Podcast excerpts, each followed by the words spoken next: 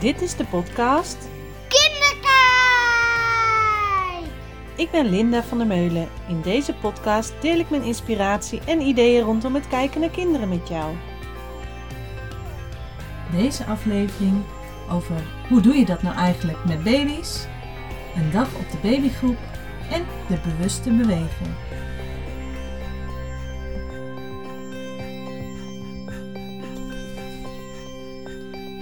Welkom bij de allernieuwste podcastaflevering van Kinderkijk de podcast. Het onderwerp van vandaag hebben jullie eigenlijk eh, te danken aan Isa, mijn dochter, want we gaan het deze keer hebben over baby's. En het komt eigenlijk door een gesprek wat ik vanochtend met haar had. Ehm, om ons heen op dit moment zijn heel veel mensen zwanger of eh, staan op het punt om te bevallen. Mijn beste vriendin is zwanger van een tweeling zelfs. En Isa is op dit moment zes jaar en die vindt dat reuze interessant. Want hoe werkt dat nou eigenlijk? Hoe komen baby's nou in je buik? En waarom hebben sommige gezinnen wel vier of vijf kinderen en ehm, ben ik maar alleen? En hoe werkt dat nou eigenlijk met baby's? Hoe groeien die in je buik? Hoe eten die in je buik? Hoe werkt dat met bloed? En als je nou iets opeet, hoe snel kan een baby dat dan opeten? Nou, dat zijn echt de mooiste vragen die zij op dit moment stelt en waar we gesprekken over hebben. En soms ook wel gesprekken dat ik denk van, hmm, je bent nog maar zes. Ehm, hoe werkt dit in jouw hoofd? Wat pik je hiervan op? En wat mijn idee daarover is, want vanochtend hebben we het ook gehad over eh, de bloemetjes en de bijtjes. Van hoe komt er nou dat zaadje dan in je buik als je een baby wil hebben? En dan heb ik ook uitgelegd dat het op verschillende manieren kan. En ehm, wat de meest voorkomende manier is, zonder er omheen te draaien. Dus gewoon vertellen zoals het is, eigenlijk heel plastisch. Waardoor ehm, ja, het in haar hoofd hopelijk een ja, duidelijker beeld wordt. En ze niet nog honderdduizend meer vragen krijgt, maar vooral ook uh, weer verder kan. En dat merk ik heel erg zelf bij kinderen. Als je zelf een onderwerp spannend vindt om het erover te hebben, dat kinderen dat dan ook overnemen. En als je zelf zoiets hebt van, nou, ik vertel maar hoe het is. En dat is bijvoorbeeld met hoe worden baby's gemaakt. Maar ik merk het ook wel bij vragen over de dood. Vragen over, um, nou ja, ook bij, met baby's bijvoorbeeld, waarom Isa alleen is en niet, uh, waarom wij geen groot gezin hebben. Dat zijn dingen waar ik heel open over ben naar haar. Omdat ik zelf heel erg vind dat het geen taboe hoeft te zijn. Maar nu wijd ik een beetje uit, want ik wil het eigenlijk vandaag gewoon hebben over baby's. En vooral, hoe doe je dat nou eigenlijk met baby's? Als je zelf moeder bent van een baby, of als je op een babygroep werkt, of um, op een andere manier met baby's te maken hebt. Hoe kan je nou bij baby's werken uh, vanuit het competente kind, vanuit de honderd talen, vanuit de drie pedagogen, dus de pedagogiek van Reggio Emilia. Maar vooral ook, hoe kan je baby's, naar mijn idee, ja, goed begeleiden en een, meerwaarde bieden in de, hun begeleiding. En waarom ik baby's nu heb gekozen. Vanochtend het gesprekje was even de trigger. Maar um, wat ik heel vaak te horen krijg is de vraag: Ja, uh, Linda, je vertelt het allemaal hartstikke mooi, die pedagogiek. Maar hoe doe je dat nou met die baby's? Want die baby's kunnen nog niet zoveel. Of Um, ja, met peuters snap ik dat je op onderzoek gaat. Maar hoe werkt dat nou met baby's dan? En daarom wil ik er vandaag gewoon een hele podcastaflevering aan besteden. En misschien heb ik wel niet eens genoeg aan één aflevering, dat gaan we zien. Maar vandaag ga ik me vooral richten op het stukje het begeleiden en activiteiten aanbieden. Want baby's, daar kan nog veel meer over. Ik ben zelf ook uh, trainer ruimte voor baby's. En in die training gaan we natuurlijk ook helemaal de diepgang in op Um, wat, hoe de hersenontwikkeling werkt, überhaupt de hele ontwikkeling. Over slapen, stress, uh, noem maar op. Maar ook activiteiten zit er ook een heel stuk in. Vandaag wil ik me vooral even focussen op het stukje begeleiden. Nou, mocht je dus meer daarover willen weten, er zijn, nou ja, de babytraining is natuurlijk ook verplicht vanaf 2023. Moet iedereen die werkt met baby's in de kinderopvang een erkende training daarin hebben. Nou ja, een van de trainingen is dus ruimte voor baby's, waar ik uh, trainer van ben. Maar voor nu wil ik je heel graag vandaag meenemen in de wereld van de baby. Als je zelf eens nagaat, wij zijn allemaal baby's geweest. En hoe wonderlijk is het eigenlijk dat jij bent geworden hoe je nu bent. En wat ik zelf zo fascinerend vind aan baby's, is hoe ze zich ontwikkelen. Vooral dat eerste jaar, hoe snel dat eigenlijk gaat. Nou, er zijn natuurlijk ook allemaal onderzoeken naar gedaan. De eerste duizend dagen van kinderen, hoe belangrijk dat is. Maar ook de periode voor de geboorte, hoeveel invloed die al heeft op de ontwikkeling van baby's. En als je dan een baby mag begeleiden, als ouder of als pedagogisch medewerker, of als gastouder misschien wel, dan is het zo fascinerend om met andere ogen naar die baby te kijken. En uh, wat ik heel vaak zie in de kinderopvang, als er nieuwe ouders komen, vaak nog uh, zwanger van hun eerste kindje, is dat ze dan binnenkomen en zeggen: Ja, nou, ik kan me er nog niet zo goed een voorstelling van maken hoe dat straks zal zijn. Hoe dat werkt met die baby, uh, wat die, ja, waar die behoefte aan heeft ook. Ja, baby's die eten en slapen toch vooral gigantisch veel. En wat ik dan altijd probeer is ouders mee te nemen in verplaatsjes in dat kind. Baby's maken voor de allereerste keer alles om zich heen mee. Voor de allereerste keer uh, ervaren ze de wereld om hun heen. Voor baby's bijvoorbeeld is het heel gaaf om met die baby's aan de slag te gaan met de seizoenen. Letterlijk te ervaren wat gebeurt er in zijn zo'n zo seizoen. Uh, wat ervaren baby's tijdens een seizoen en welke ervaringen zouden we kunnen uitvergroten? En dit klinkt natuurlijk nog heel vaag misschien. Of misschien denk je wel, oh ja, maar dat doen we al lang. Dat kan natuurlijk ook. Maar vooral als je kijkt naar de seizoenen. Het is op dit moment lente. Hopelijk komt de zomer er gauw een beetje aan. Wat voor ervaringen hebben baby's in de lente? Het ligt er ook aan wanneer een baby geboren is als een baby in de lente geboren wordt, is het een heel andere ervaring dan als je in de winter geboren wordt. In de lente en de zomer ga je meestal vaker naar buiten. In ieder geval is het wat warmer buiten. Als je in de herfst of de winter is het vaak kouder en regenachtiger. Nou, tenminste hier in Nederland is dat zo. Op andere plekken in de wereld heb je natuurlijk hele andere seizoenen, hele andere ervaringen. Maar wees je vooral bewust dat alle ervaringen vooral in dat eerste jaar, zijn allemaal nieuwe ervaringen. En bijvoorbeeld nu in de lente. In de lente gaan de plantjes groeien. Uh, zie je heel veel bloemetjes om je heen. In de lente heb je bloesemtakken die uitspruiten. In de lente wordt het wat warmer, kan je wat vaker naar buiten. En hoe belangrijk is het ook dat je daar baby's bij betrekt? En als het niet lukt om elke dag naar buiten te gaan, hoe gaaf is het als je buiten ook naar binnen kan halen? Dus door binnen bloemen te gaan onderzoeken, plantjes te onderzoeken, te gaan ervaren met heel het lijf. Want dat vind ik het fascinerende aan baby's, is dat ze alles ervaren met heel hun lijf. Baby's zijn zo puur natuur, die willen echt ja, de hele wereld nog ontdekken.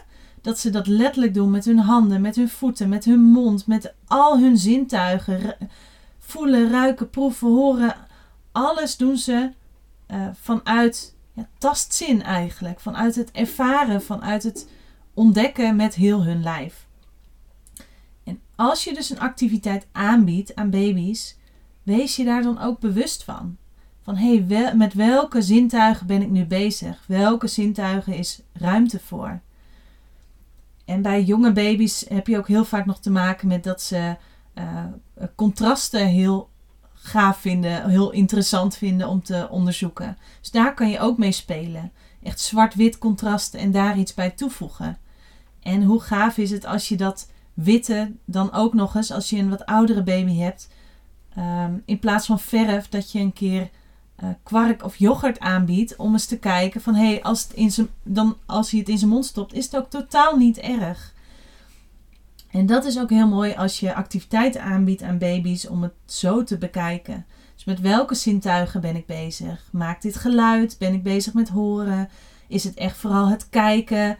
Uh, leg ik iets voor een kindje neer wat die, of voor een baby neer wat hij kan bekijken? Gaat het over het voelen en ervaren? Gaat het over ruiken? Zit er ook geur aan wat ik aanbied? Um, Dus zodat je alle zintuigen aan bod laat komen. En wees je vooral bewust waarom doe ik wat ik doe. Ik zie nog steeds wel eens uh, voorbij komen dat er letterlijk. Uh, ja, we gaan een activiteit doen met baby's. En dat dan het handje van de baby door de volwassene beschilderd wordt. En letterlijk op een papier gedrukt wordt. En dat je die baby eigenlijk met emotie en tegenzin ziet van ja, maar wat gebeurt hier? Uh, ja, wat ervaart een baby op zo'n moment? En ik ben ervan overtuigd dat het veel mooier is, ook voor jezelf in het werk, um, om de baby eerst dus dat materiaal te laten ervaren. Bijvoorbeeld de verf te laten ervaren. Bijvoorbeeld het papier te laten ervaren. En dan is het helemaal niet belangrijk dat het handje met verf op het papier komt. Maar hoe gaaf is het dat je een mooie foto hebt van dat proces?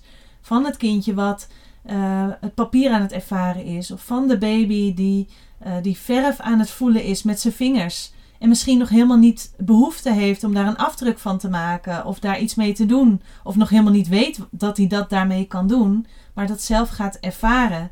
En als je dan een paar weken later nog een keer aanbiedt.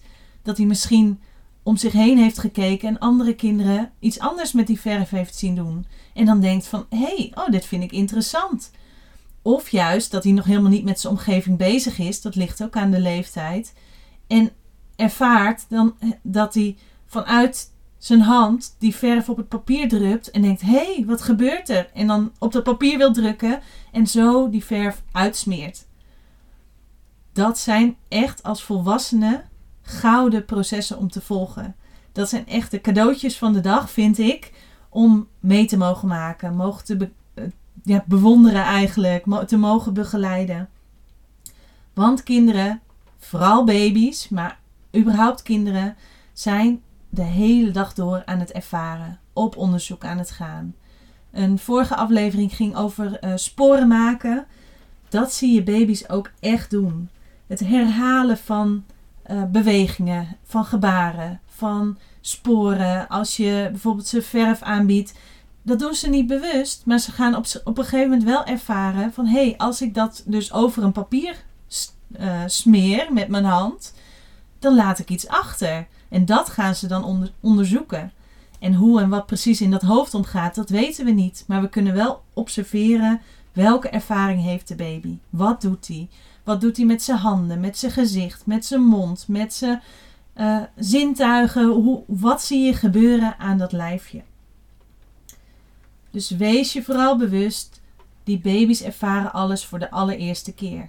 Dus vooral bij baby's, maar dat geldt eigenlijk voor alle jonge kinderen. Maar bovenal bij baby's is het ook super goed om dingen gewoon te herhalen. Om een bepaald materiaal niet één keer aan te bieden, maar misschien wel vijf keer. En om ieder klein momentje te benutten. Dus tijdens een dag op de babygroep, als je bijvoorbeeld alleen een babygroep hebt met uh, drie, zes of negen baby's. En, uh, of als je thuis bent met je baby, heb je misschien niet de hele dag door tijd om activiteiten aan te bieden. Of ik weet wel zeker dat je dat niet hebt. Want die baby's uh, die willen heel veel slapen nog. Die hebben hun drinkmomenten, hun eetmomenten.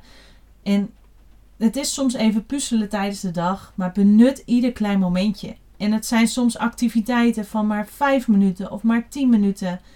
En ik vertelde net over verf, maar het kan ook iets zijn dat je bepaalde materialen, kosteloos materiaal, wat uh, gestapeld kan worden. Of waarmee je kan rollen. Waarmee je uh, ballen vinden baby's vaak heel leuk. Of uh, schutflesjes die je zelf kan maken met materialen die weer bij het seizoen passen.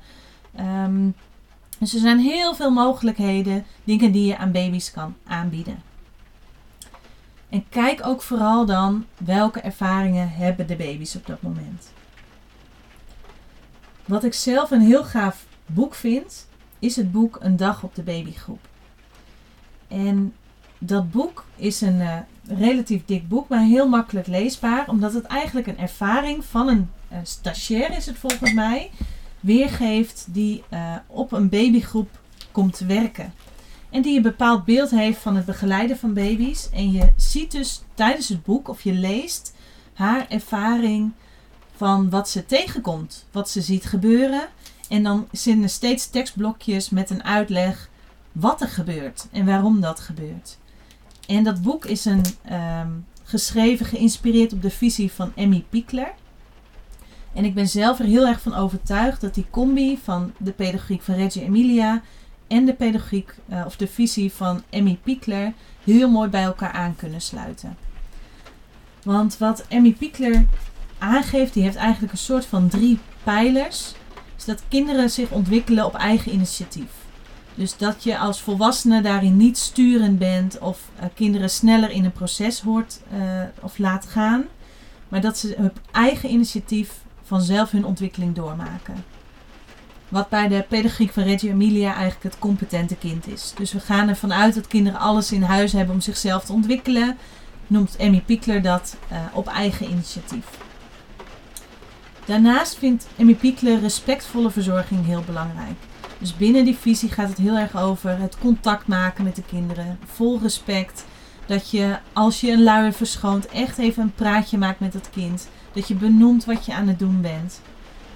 En als laatste de vrije bewegingsruimte. Dus dat kinderen de ruimte letterlijk krijgen om zich te ontwikkelen. En als je dan kijkt naar de pedagogiek van Reggio Emilia met de drie, pedagogen, met de honderd talen. En mocht je nou even niet weten waar ik het over heb, uh, luister dan de andere podcastaflevering waar ik Reggio Emilia in een notendop behandel. Daar vertel ik heel kort wat ik hiermee bedoel. Um, het begint nu heel hard te regenen, dus ik hoop uh, dat het niet te veel stoort in deze aflevering, want ik wil heel graag mijn verhaal nog afmaken. Maar we hadden het over het ontwikkelen op eigen initiatief, de respectvolle verzorging en de vrije bewegingsruimte. En het gaat er dus vooral om dat je baby's letterlijk de ruimte geeft om zich te ontwikkelen.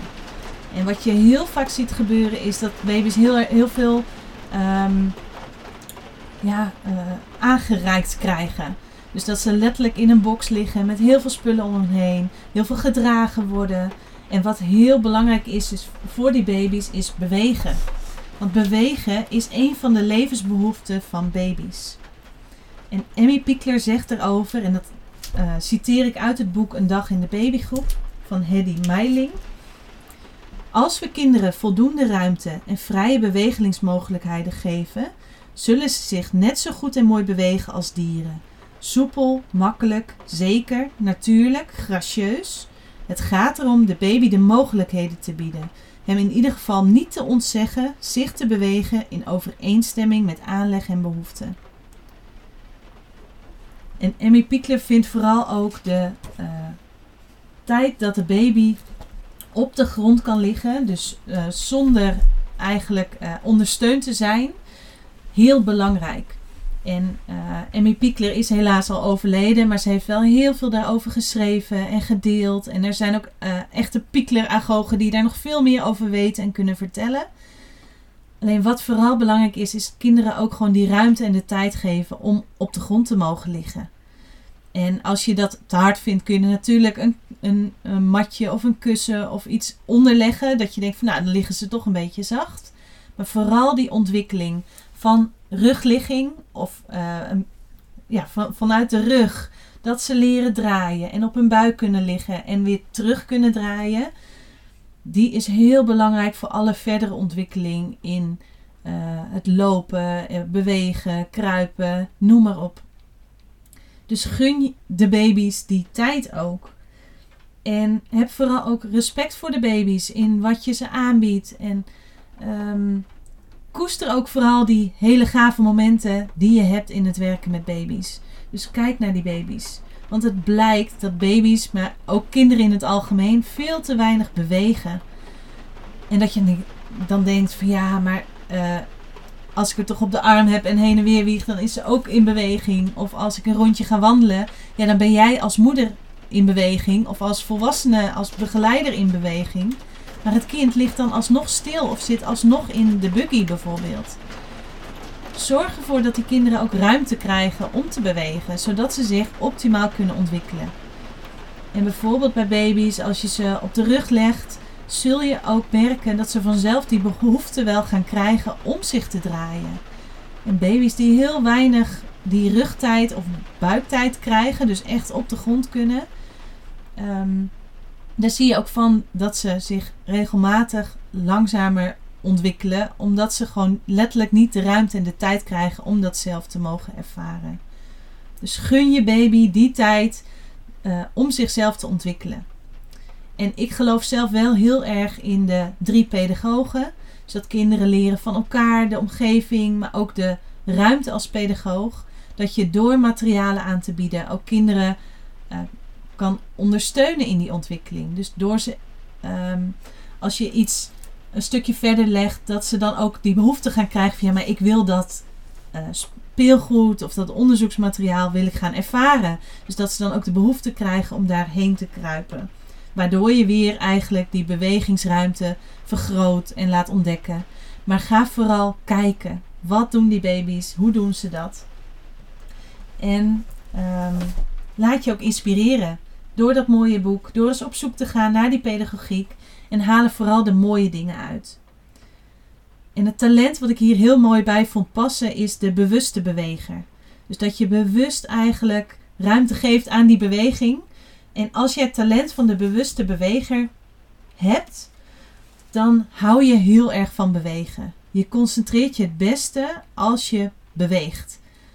En als je wel stil moet zitten, dan zul je misschien ook wel in beweging komen door iets met je handen te gaan doen, of te tikken, of te friemelen, of wat dan ook. Je concentreert je beter en je voelt je ontspannen als je beweegt. Vaak hebben bewuste bewegers ook veel energie en ze worden rustig als ze die energie kwijt kunnen. Dus krijg jij energie van bewegen, van actief bezig zijn ehm, en voel je daardoor beter en ontspannen? Misschien ben jij dan wel die bewuste beweger. Wat je ook vaak ziet bij bewuste bewegers is dat ze heel erg van aanraking zijn. Dus dat ze graag anderen aanraken, uh, zelf uh, graag wordt aangeraakt. Dus uh, nou ja, niet wegloopt voor een knuffel, een ei over je bol. En als je dat zie je ook heel vaak bij kinderen die heel veel energie hebben en heel erg actief zijn. Dat zijn echt bewuste bewegers. Die hebben ook letterlijk die bewegingsruimte nodig. Die hebben het bijvoorbeeld nodig om een hobby of een ontspannende activiteiten hebben waarbij ze kunnen bewegen.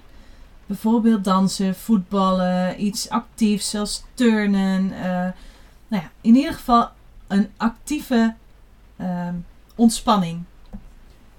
De natuur bijvoorbeeld helpt bewuste bewegers ook. Daar hebben ze ook letterlijk vaak de ruimte om te gaan hardlopen, rennen, uh, lopen. Um, één te zijn met de natuur, een potje te voetballen. En bewust te bewegen, als je je daarin herkent, dan heb je een omgeving nodig waarin geaccepteerd wordt dat je af en toe moet bewegen. Of dat je anderen graag aanraakt of zelf ook wordt aangeraakt. Uh, dat heb je echt nodig, want daar laat jij van op.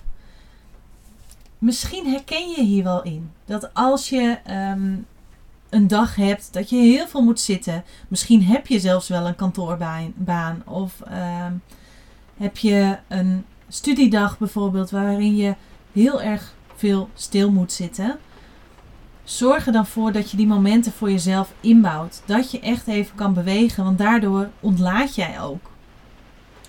En wat wel zo is bij bewuste bewegers, is dat ze vooral daarvoor moeten zorgen dat ze genoeg beweging krijgen. Van te veel in het hoofd bezig zijn, worden bewuste bewegers echt ongelukkig. En ook een goede voor bewust bewegers is dat ze hun eigen grenzen en die van anderen daarin bewaken. Dat uh, ook op het gebied van aanraken, want dat is wel echt een kenmerk van die bewuste beweger. Niet iedereen vindt dat fijn. En niet iedereen heeft de behoefte om heel veel in beweging te zijn. Of heel actief, letterlijk met je lijf bezig te zijn. Dus mocht je hierin herkennen, het is echt een talent, echt een uh, hartstikke mooi iets om bewust van te zijn. En wees je ook bewust dat er dus ook heel veel kinderen zijn die dit ook hebben. Kinderen die dagenlang stil moeten zitten in de klas bijvoorbeeld. Daarbij, um, maar ook ja, baby's al en dreumen ze al. Ik zie het zelf bij mijn nichtje. Volgens mij is dat echt een bewust beweger. Zij is één, bijna anderhalf. En zij is zo bewegelijk en al zo soepel in haar lijf. En ik denk dat hij echt later iets met uh, turnen of iets gaat doen. Dat ze heel actief is met haar lijf. Moet ook echt regelmatig even naar buiten om uh, letterlijk alle energie eruit te rennen. Ehm, nou, volgens mij uh, weer een hele podcastaflevering vol inzichten. Vooral gericht op baby's. Mocht je hier vragen over hebben of ideeën over hebben of graag nog meer informatie over willen, geef het aan.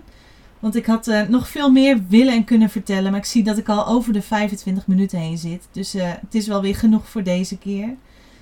Ik wens je voor vandaag een hele fijne dag en ik nodig je echt uit, mocht je baby's om je heen hebben, met baby's te maken hebben, kijk echt naar wat doen ze, um, welke ervaringen hebben ze en wat voor materialen zouden daarbij kunnen passen. Bedankt voor het luisteren van deze podcast. Wil je geen aflevering missen? Abonneer je op deze podcast. Heb je vragen of ideeën voor een volgende keer? Laat het mij weten via www.kinderkijk.com of Kinderkijk op Facebook of Instagram. Denk je dat deze podcast interessant is voor anderen?